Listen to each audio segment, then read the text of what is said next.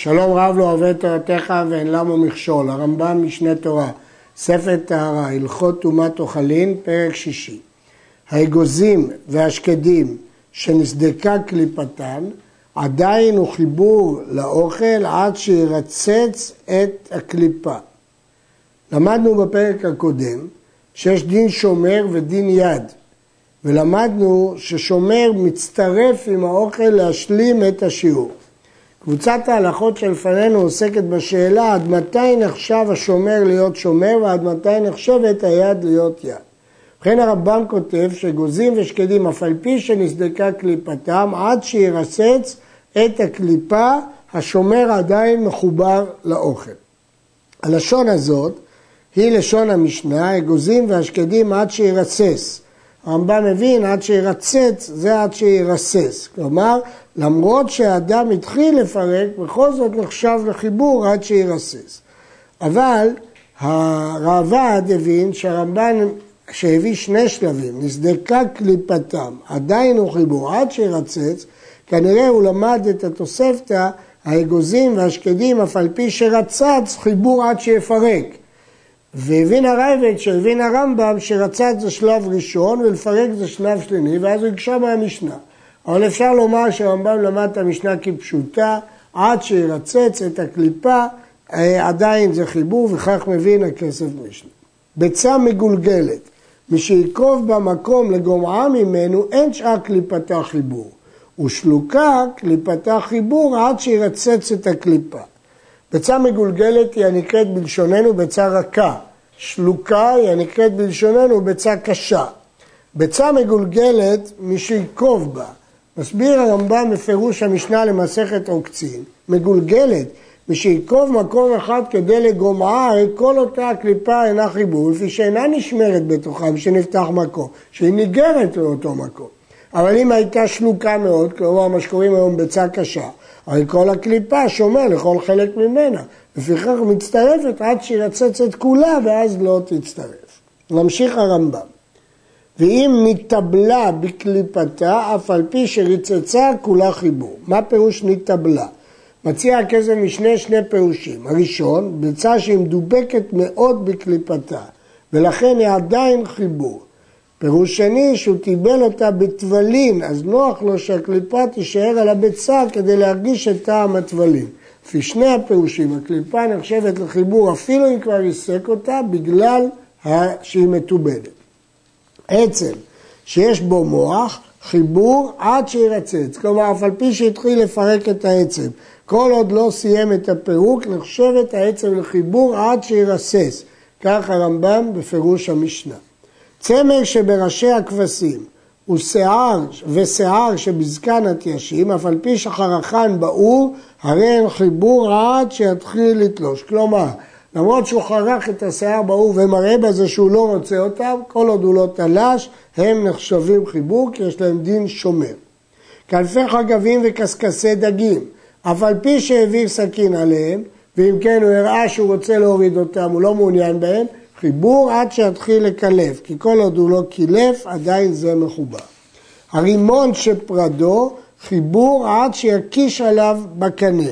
כלומר, אם הוא פירר את הרימון בתוך הקליפה שלו, עדיין זה חיבור עד שייתן מכות מבחוץ בקנה, כדי שיפלו כל גרגרי הרימון, אלה שנאחזים בקליפה. רק אז זה לא חיבור. השרביטים של התמרים אינם חיבור זה לזה. שרביטי התמרים, הכוונה, אשכולות התמרים.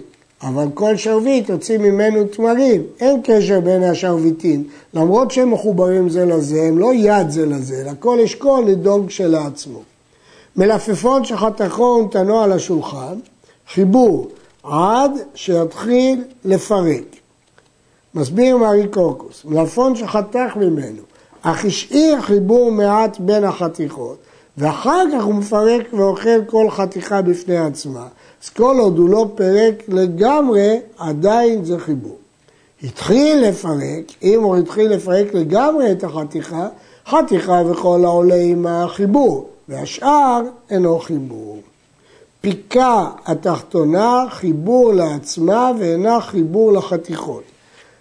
פיקה היא הבליטה העגולה שבראש המלפפון שאין דרך לאוכלה. כאן נדחק מאוד המרי קוקוס בפירושו, הוא מסביר שהכוונה שהפיקה הזאת עומדת בפני עצמה והיא חיבור רק לעצמה ולא לשאר החתיכות, משום שהאדם אינו מעוניין בו, לפיכך אינה יכולה לחשב חיבור להם. יש להעיר שמלפפון שמדבר עליו הרמב"ם זה לא בהכרח המלפפון של ימינו, אלא זה יותר אה, משהו קרוב לקישו, אה, נקרא בערבית קטה, וזה כנראה סוג המלפפון שדיבר עליו הרמב"ם. היו שניים או שלושה מלפפונות, וחתך כל אחד מהם והניחם על השולחן, והתחיל באחד מהם, זה שהתחיל בו חיבור, והשאר אינו חיבור. אפילו אמר חציו אני אוכל שחרית וחציו ערבית, זה החצי שהתחיל בו חיבור, והשאר אינו חיבור. יש קושי גדול להבין את ההלכה, לכאורה ההפך, מה שהתחיל לפרק אותו הוא לא חיבור, ומה שהוא לא התחיל לפרק זה חיבור.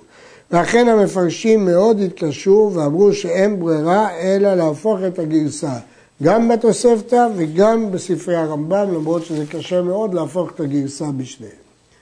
הוכחתך ירקות וכיוצא בהם לבשל, אף על פי שלא מרק, מרק זה גמר, לא מרק והבדיל, הוא לא חתך לגמרי, אינו חיבור. אלא אם נטמע זה, לא נטמע זה, אף על פי שהוא מעורה בו. כיוון שהוא חתך לבשל, אין לו צורך בהישארות אותו הדבר החתוך מחובר, כי בין כך הבישול יחתך ויפריד אותו, לכן הוא לא הפריד עד הסוף. אבל, אה, ולכן אם נטמע זה, לא נטמע זה, אף על פי שהוא מערה בו. חיתך לכבוש או לשלוק או להניח על השולחן, הרי זה חיבור. אפילו התחיל לפרק מה שחתך, כי למה הוא לא חתך לגמרי? כנראה הוא מעוניין עוד בחיבור, ולכן במקרה הזה זה חיבור כמו בהלכות הקודמות. כל אוכל שעדיין לא פרקו, חיבור. ואם נטמע מקצתו, נטמע כולו, זה מעין סיכום של כל ההלכות שלמדנו קודם. אוכל שנפרס, הוא מעורה במקצת, ונגע טמא באחד מהם. אם אחז בזה שנגע בו והשני עולה עמו, הרי זה חיבור. ואם כשאוחז בזה הטמא ומגביהו יישמט האחר וייפול, אינו חיבור. אלא הרי זה אחר כנוגע בראשון שנטמע. כלומר, כדי שזה יקרה חיבור, צריך שהחלק השני יעלה אחרי החלק הטמא. יש במשנה ארבע דעות, האם הולכים אחרי הגדול, או אחרי הקטן, או אחרי הטמא, או אחרי הטהור. הרמב"ם פוסק שהולכים אחרי הטמא, זה דעת חכמים. כל מה שעולה עם הטמא נחשב עמו. כל מה שלא עולה, אומנם נוגע בו, אבל הוא לא חלק ממנו, ואז הוא יורד בדרגת הטומאה. כל האוכלים שהיו עלים וקלחים מחוברים בהם.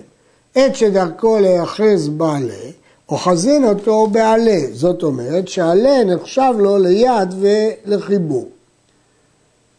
בקלח, אוחזים אותו בקלח. אם נתלה עמו, הרי זה חיבור בטבול יום, ואין צריך לומר בשאר הטומאות. אפילו בטבול יום, שזה טומאה קלה, זה חיבור. וכן אם היה לו יד, אוחזים אותו ביד שלו. היה לו יד ועלה, אוחזים אותו באיזה מהם שירצה. כלומר, זה חומרה, ששניהם נחשבים חיבור לטומאה. לא היה לו יד ולא עלה, בזה אמרו, אם הוא חזור בטמא והשני עולה עמו חיבור, כמו אוכל שנפרס, ואם לאו, אינו חיבור. כלומר, אם זה יד, אז זה בכל מקרה חיבור, אבל אם זה לא יד, אז תלוי אם זה עולה עמו או לא עולה עמו. האגוזים שקיבצן בעוקציהם כשהם רכים, ואמנן כולם כמו חבל, כן, הרמב"ם מסביר את זה בפירוש המשנה. אמנן עניינו ויהי אומן את הדסה, והעניין שהוא לקח את האגוזים כשהם ירוקים, וחתכם עם עדותיהם, וחיברם על ידי כליאה בחוטין עד שעשם כגוף אחד כדי שיהיה קל לטלטל. זה נקרא האגוזים שהמנן. וכן הבצלים שחיברם כדרך הזאת, בלשון המשנה, בצלים שחמרם, עשה אותם חומרים חומרים, חיבר את עליהם בכליאה, כל זה הרי אלו חיבור. הראב"ד מפרש פה באופן אחר. הרמב"ם ממשיך, התחיל לפרק באגוזים ולפקל בבצלים, כלומר להתחיל לפרק אותם, אין השאר חיבור. אפילו לפניו מאה כור, אין כולם חיבור, שהוכיח שדעתו לפרק הכל. כאן זה לא כמו בהלכות הקודמות, כי כאן הוא חיבר אותם. אז ברגע שהוא מתחיל לפרק אותם, גילה דעתו שהוא לא רוצה בחיבור, ואז זה לא נחשב מחובר. כליאה של שום שנפלו משכין על אחד מהם, הוא טמא וחברו טהור. שאין חיבורי אדם חיבור לכל דבר. כלומר, מה שאמרנו באגוזים ובבצלים, שזה חיבור, זה דווקא בהם, אבל בשום זה לא נחשב חיבור. הרייבד שואל, מה ההבדל? למה לגבי אגוזים ובצלים הוא פסק שהם מחוברים, ולגבי שום אינו נחשב ומחובר. ולכן הוא מפרש באופן אחר, שהחיבור נעשה על ידי האש, יאוין שם. וכן אתרוג שנפרס לחתכו ותחבו בכוש או בקיסם אינו חיבור. אם האתרוג נפרס לפרוסות והוא חיבר אותם באמצעות מזלג או באמצעות קיסם, זה לא חיבור, כי אין חיבורי אדם חיבור. עיסה של אשה במי פירות, הרי זו אינו חיבור. שאין לך דבר שמחבר את האוכלין, אלא שבעה משקים בלבד. ובכן, יש פה חידוש גדול שעוד לא למדנו, שמה שמחבר את חתיכות העיסה לגוף אחד, זה רק אחד משבעה משקים. למרות שיש פה משקה שעשה אותה עיסה אחת, כיוון שזה לא אחד משבעה משקים, זה לא נחשב חיבור.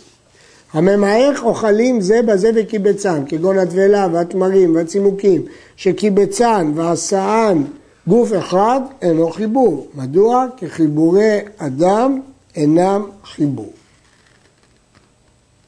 לפיכך עיגול של דבלה שנפלו משקים טמאים על מקצתו, הרי זה נותן ממנו מקום המשקה בלבד והשאר טהור.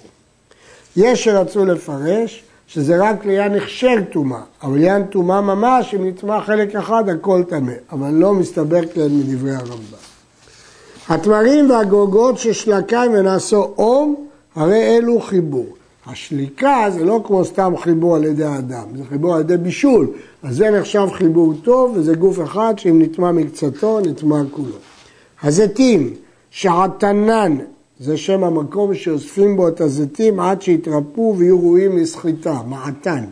עתנן ונעשו גוש אחד, הרי זה חיבור, מפני שמתחילה לא נתנן למעתן, אלא על מנת שינקו זה בזה. זו הייתה המטרה שלו, כדי שיתחברו. אז לכן זה נחשב אה, לחיבור ולגוף אחד. לפיכך, שרץ שנמצא על אום של זיתים, אום זה גוש אחד של זיתים שנתחברו זה בזה, והם הזיתים שנעשו כולם גוף אחד, אפילו נגע בחסרה הכל טמא, שהכל גוף אחד.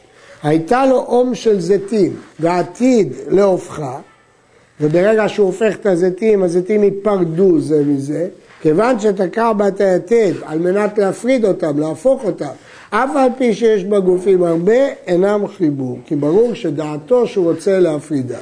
ואם משההפכה נעשו אום, אינם חיבור.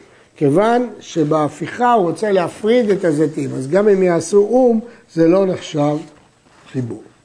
אוכל פרוד, שהוא כולו מכונס ודבק זה בזה, אף על פי שאינו חיבור להיטמא ואינו כגוף אחד כמו שביארנו, כי חיבורי אדם אינם חיבור, הרי הוא מצטרף לחבצה לטמא אוכלים אחרים. לעניין לטמא אוכלים אחרים הם מצטרפים. ואם לא קנסו, אלא הוא מפורד כמעשה קדרה והקטניות, אינו מצטרף עד שיקבצם ויעשה אותם גוף אחד. אז נסביר. כל עוד הם נפרדים כמו קטניות, הם לא מצטרפים. ברגע שהם מקובצים, מאוחדים, הם מצטרפים לעניין קבצה, אבל לא מצטרפים לעניין שאם נטמע מקצתו, נטמע כולו. היו גושים הרבה זה בצד זה, ונגע האב הטומאה באחד מהם, הרי הוא ראשון, והגוש שבצידו שני, והגוש שבצד השני שלישי, שבצד השני רביעי. מדוע? כי אמרנו שהם לא נחשבים לגוש אחד. כיכר של תרומה שהייתה ראשון לטומאה והשיך לאחרות, כולם ראשון, עם יחידה אחת. פרשה, היא ראשון וכולן שניות. ברגע שהם פרשו, אז היא ראשון וכולן שניות. הייתה שנייה והשיך לאחרות, כולם שניות. פרשה היא שנייה וכולם שלישיות. הייתה שלישית והשיך לאחרות, היא שלישית וכולן טהרות, בין שפרשו, בין שלא פרשו. נסביר. למרות החיבור, כל הכיכרות שחוברו לשלישית הן טהורות, כי שלישי לא מטמא זולתו כלל, והרביעי בתרומה טהור. ואפילו בעת החיבור, הכיכרות לא נעשות שלישי לטומאה, כי שלישי לא עושה רביעי לטומאה, לכן זה לא נחשב חיבור, כיוון שכשיפרשו הם יהיו טהורים, גם בעת החיבור הם טהורים. כיכרות של תרומה נושכות זו בזו, נטמאת אחת מהן בשרץ, כולן ראשון. כי רואים אותם כולם כאילו כיכר אחת. ואף על פי שפרשו אחר מכאן. נטמאת אחת מהן במשקים טמאים, כולם שניות, כי זה כמו גוף אחד. כל גוף שנטמע במשקה נהיה שני. אף על פי שפרשו אחר מכאן. נטמאת אחת מהן בידיים, כולם שלישיות, אבל על פי שפרשו, מפני שהיו גוף אחד בשעת תרומתה. כלומר, הדין המיוחד הזה, שאם הם היו, אה, נטמאת אחד מהם במשקים, כולם שניות, בשרץ כולם ראשונות, בידיים כולם שלישיות.